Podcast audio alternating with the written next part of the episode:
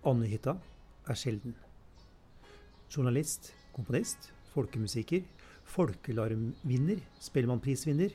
En sjelden musiker. En folkemusiker på hardingfele, ofte i bredden, der ute på siden, på tvers av sjangere og geografi. Men også midt i. Musikk fra hjemstrøk. Indre Telemark, Sauland. Anne Hytta er sjelden. En solist, en medmusiker. Idet det blir varmere i lufta i Oslo, møter jeg henne. I Biermannsgården. Jeg ser henne gjennom et åpent vindu mens hun gjør seg klar til å spille inn noen slåtter. Eh, når man kommer fra Telemark, så opplever en jo hele tida at folk eh, tar det for gitt at en spiller hardingfele. men, men eh, det er jo ikke realiteten at alle er interessert i det. Sjøl om jeg er fra indre Telemark. Men jeg kommer fra en familie som, som, som er um, ikke utøvere, eller i hvert fall ikke uh, spesielt gode utøvere, men inter veldig interessert, da. Uh, sånn at jeg om jeg ikke hørte det daglig, så, så ble jeg jo eksponert for det veldig tidlig. Um, og det som jeg liksom husker best fra sånn tidlig, uh, tidlige opplevelser, det er liksom sånne bygdekvelder i Tuddal med Knut Buen som programleder og eh, masse sånne originale folk eh, som, som, var på en måte hovedattraksjonen for meg og søstera mi som var små, da. Eh, et eller annet med, med, den klangen jeg i hardingfele som jeg hadde lyst til å, å prøve å forme sjøl på, på, fela. da. Eh, og, og eh, far min som spilte lite grann. Eh, og jeg tror ikke han blir fornærma når jeg sier at, at det, akkurat det spillet var jo ikke i seg sjøl en inspirasjon, men jeg i hvert fall så jo den her fela som var i stua. da.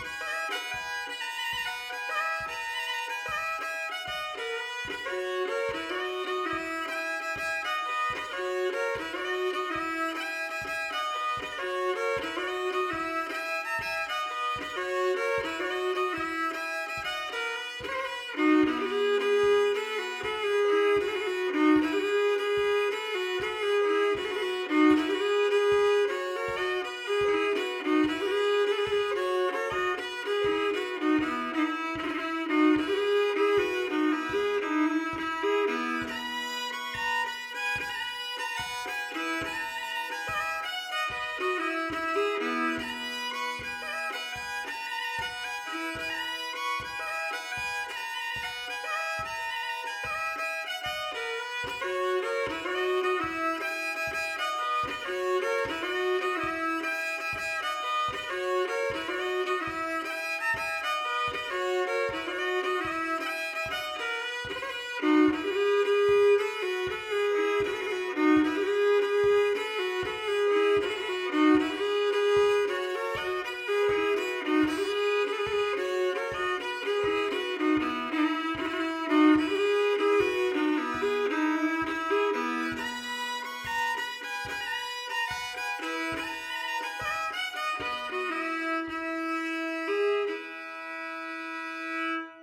Altså, jeg blei jo da sendt opp til eh, Einar Løndal i Tuddal.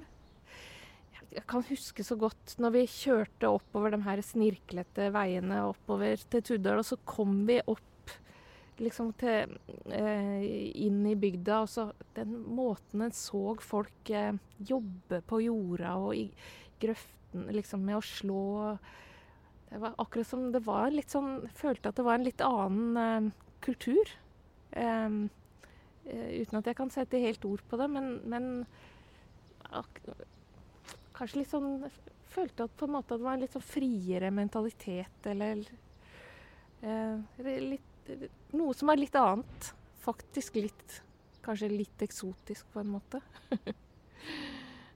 Samme dialekt omtrent, men ikke helt heller. Litt forskjellig.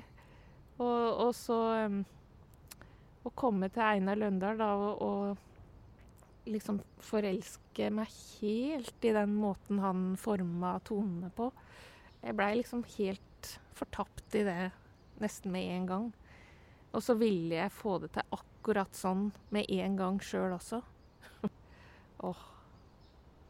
Nei, det var Og særlig det når han eh, Før han begynte å spille slåttene, når han satt og bare liksom eh, likra på fela, liksom bare leita fram klangen og forma eh, tonene, og det var en måte altså Akkurat som at du, du det er akkurat som at det er en sånn streng som er strekt ut ifra hjertet, som du bare, som bare spiller på sånn, sånn hjertemusikk. Sånn helt sånn eh, Veldig sånn organisk og, og, og inderlig. Han ensa ikke sjøl det han spilte når han satt sånn, og bare liksom fant, fant fram to, tonene i fela. Han tenkte ikke over det han gjorde der, men Sånn i ettertid så tenker jeg at det var nesten det fineste som han gjorde.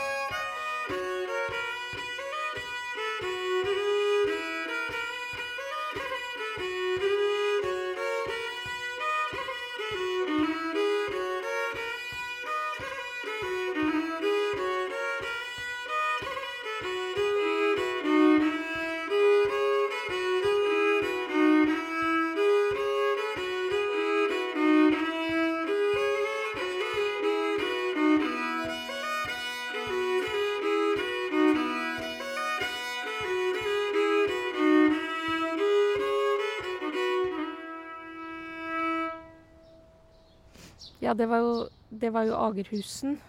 Um, den, det er en slott, Agerhusen er en slott som jeg lærte, som jeg lærte av Einar, da. Um, jeg tenkte det var litt fint å spille inn den, for den er liksom ikke, den er ikke så my mye brukt. Um, og jeg har ikke spilt den inn før. Hvordan, hvordan var han da, som menneske? Han var um, han var eh, kjent for å være veldig barnekjær. Veldig, veldig flink med barn. Veldig eh, rolig og eh, interessert og eh, Logn, som vi sier i Telemark. Sånn behagelig og, og, liksom lys og lett. Men det var han ikke som person. Det tror jeg jeg kan si at han var en sånn grublende ganske sånn melankolsk type, tror jeg egentlig, på mange måter. Sjøl om han elska gode historier og, og, kunne le så godt av, av originaler og, og sånne morsomme historier. Det, det elska han. Så han var, han var veldig rolig, eh, men veldig streng og nøye. Eh, og det hadde nok òg sammenheng med at eh, det repertoaret som jeg fikk lære, var, var framfor alt repertoaret han hadde lært av faren sin. Så det var veldig sånn eh, personlig for han. Og veldig Det var helt sånn essensielt for han at eh, en fikk med det som skulle være med i Slåtten, sånn som han mente at faren hadde spilt. da. Ellers så var det liksom et tap som, som eh, var liksom vanskelig for han å, å godta. Og jeg kunne også lære slåtter etter opptak med brødrene hans. Og da ville han alltid liksom Da kunne han bli irritert på liksom den broren som hadde tatt ut en del eller satt inn noe som ikke skulle være der. Det var ja, veldig nøye sånn. Mm. Og så eh, den eh, Kari Mittigard. Det er også en springer etter, eh, som jeg har etter Einar. Eh, som fins i flere andre varianter. Eh, I eh, Hardanger bl.a. Nå skal jeg ikke si det helt for sikkert, men jeg tror den heter Fossmarken der. Og, og bare, bare litt annen form.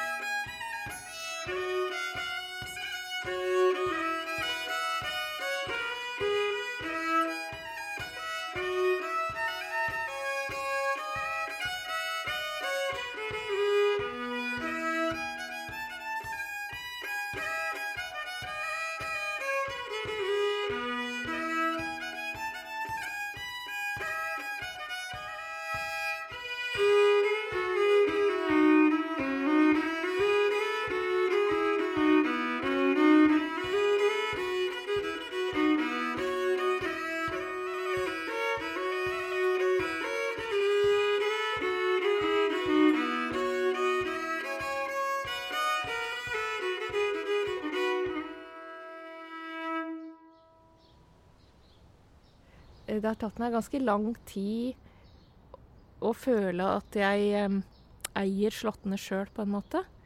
Eh, og det er noe som jeg nesten kan jobbe litt med fremdeles. Det at det, en må fortelle slåttene med sin stemme. Og samtidig så har det gjort at jeg, jeg, jeg føler at jeg har et veldig sånn Hva skal jeg si Et sånn veldig sånn trygt og solid vokabular for å, å uttrykke slåttene. Som jeg er grenseløst uh, takknemlig for. For det Jeg tenker på en måte slåttene som et sånn landskap. Eh, det er liksom ikke en sånn Det er jo ikke en note, det er jo ikke en strek fra A til Å med bare én mulig måte å gjøre det på, men det er så mange både, både på litt sånn minimalistisk plan med, med eh, eh og det å dra ut ting og, og sånn, men også i måte å variere de forskjellige motiva på. Eh, ligger det så veldig mye muligheter. Og jo mer solid og jo mer eh, nøye du har lært eh, forskjellige måter å uttrykke eh, ting på i en slott, jo større og tryggere vokabular har du for å, å bygge på det sjøl, da. Hvis eh, F.eks. når jeg jobber mot en innspilling, da har jeg liksom den tanken at hvis det skal være noe vits i at jeg spiller inn en, en slått som har vært spilt inn 100 ganger før, så må det være fordi at jeg sjøl opplever at jeg har noe å tilføre den slåtten som ikke, som ikke har vært hørt før. Og det det har man jo selvfølgelig i, i kraft av å være den man er. For uansett om man spiller, tror man spiller akkurat som en annen, så gjør man jo ikke det. Det er jo den personlige som, som ligger i, i, sin egen utforming. Men, men, eh, men jeg prøver alltid å, å finne, finne, flest mulig kilder for en slott. Enten det er eh, gamle arkivopptak eh, med, med, varianter av en slott som ikke har vært brukt før, eller at det er noteoppskrifter. Eller at jeg sitter og jobber med slåtten og finner fram Lager mine egne variasjoner i slåtten, da. Som gjør at jeg syns at nå får det en sånn personlig utforming som, som gjør at det er verdt å, å gi det ut. Uh, så sånn, sånn, jobber jeg mye. Mm.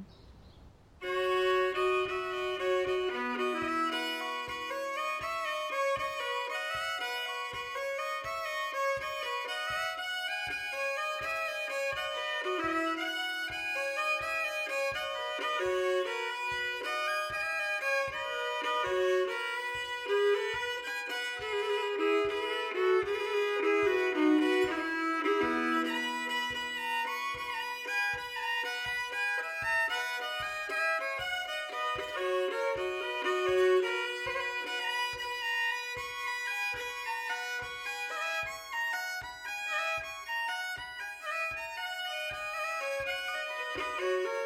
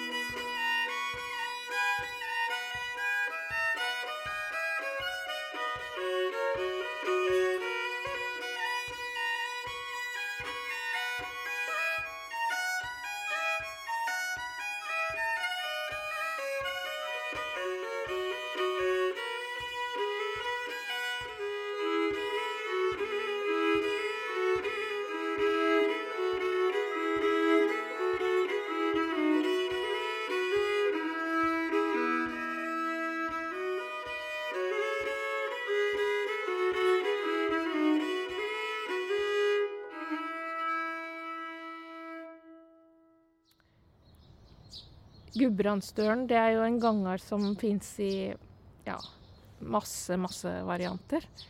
Eh, og eh, den som jeg spilte, det er i form etter en, en spelmann som heter Mattis Kleppen fra Sauland. Eh, den har jeg også faktisk i en form som jeg har spilt inn eh, på den siste soloplata mi eh, etter oldefaren min. som var en skikkelig raklespelemann. Sånn skikkelig Jeg tror det var sånn riv og rusk. Men den, den forma her, den er etter ei noteoppskrift som eh, Eivind Groven skrev opp da. når jeg, når jeg, tenker på min, min, reise som musiker fra den spede begynnelse til i dag, så tenker jeg at det har vært en reise med eh, ganske mye motstand. Og at den motstanden har vært, min beste venn. så jeg kan huske Jeg kan liksom huske da jeg var sånn helt jeg tror, ja, 19-20 år, og så husker jeg Knut Buen sa til meg at uh, han sa Jeg husker ikke akkurat hvordan han sa det, men det var noe om det her med at, at uh, jeg skulle burde, måtte være glad for uh, fordi at jeg ikke hadde vært sånn veldig god fra jeg var helt, helt ung. og da liksom pekte han på at det fantes jo spelmenn som var helt topp da de var 15 år, liksom. Og hvor skulle de gå videre derfra? Det, da, liksom, da, hadde det så lett for å stoppe opp. Og det, det, han sa der, la jeg meg veldig på minne, da. At eh, kanskje, det, kanskje, det, hadde en verdi at jeg ikke var helt, helt topp enda, liksom. Eh, så det er liksom det derre å jobbe jevnt og trutt. Og liksom prøve, prøve også for, for, hver eh, musiker man møter og jobber med, liksom bare prøve å å, å, hente ut det man kan lære der, og så ta det med seg videre på veien. Da. Det er jo det jeg har lært mest av. Å, å spille med mange folk og, og, få impulser fra forskjellige kanter. Jeg husker Nils Økland sa en gang at man måtte, man måtte passe på å spille med folk som var bedre enn seg sjøl. og det er jo et bra triks. Man lærer jo mye av det. Men i hvert fall å spille med folk som uh, som liksom har et eller annet som, som man merker at man har lyst til å ta til seg på en eller annen måte. Da, da tenker jeg gjerne på musikere, folkemusikere fra andre eh, tradisjonskulturer. Eh, sånn som eh, Jeg har spilt mye med en eh, balutsjisk folkemusiker som heter Abdurrahman Surisei. Lærte jeg utrolig masse av, og det å spille med han var på en måte for meg en sånn gjenoppdagelse av det å lære Løndal-spelet. Altså det der med hvor mye det betyr å forme ut et ornament riktig. Hvor mye det betyr for helheten i musikken. Liksom den der bitte lille detaljen. Altså ingen Det her blir jo veldig sånn eh, indre musikeropplegg, men, men jeg tror jo den der opplevelsen man har sjøl av at en liten detalj gir musikken en ekstra farge, også, også preger opplevelsen andre kan ha av musikken. da.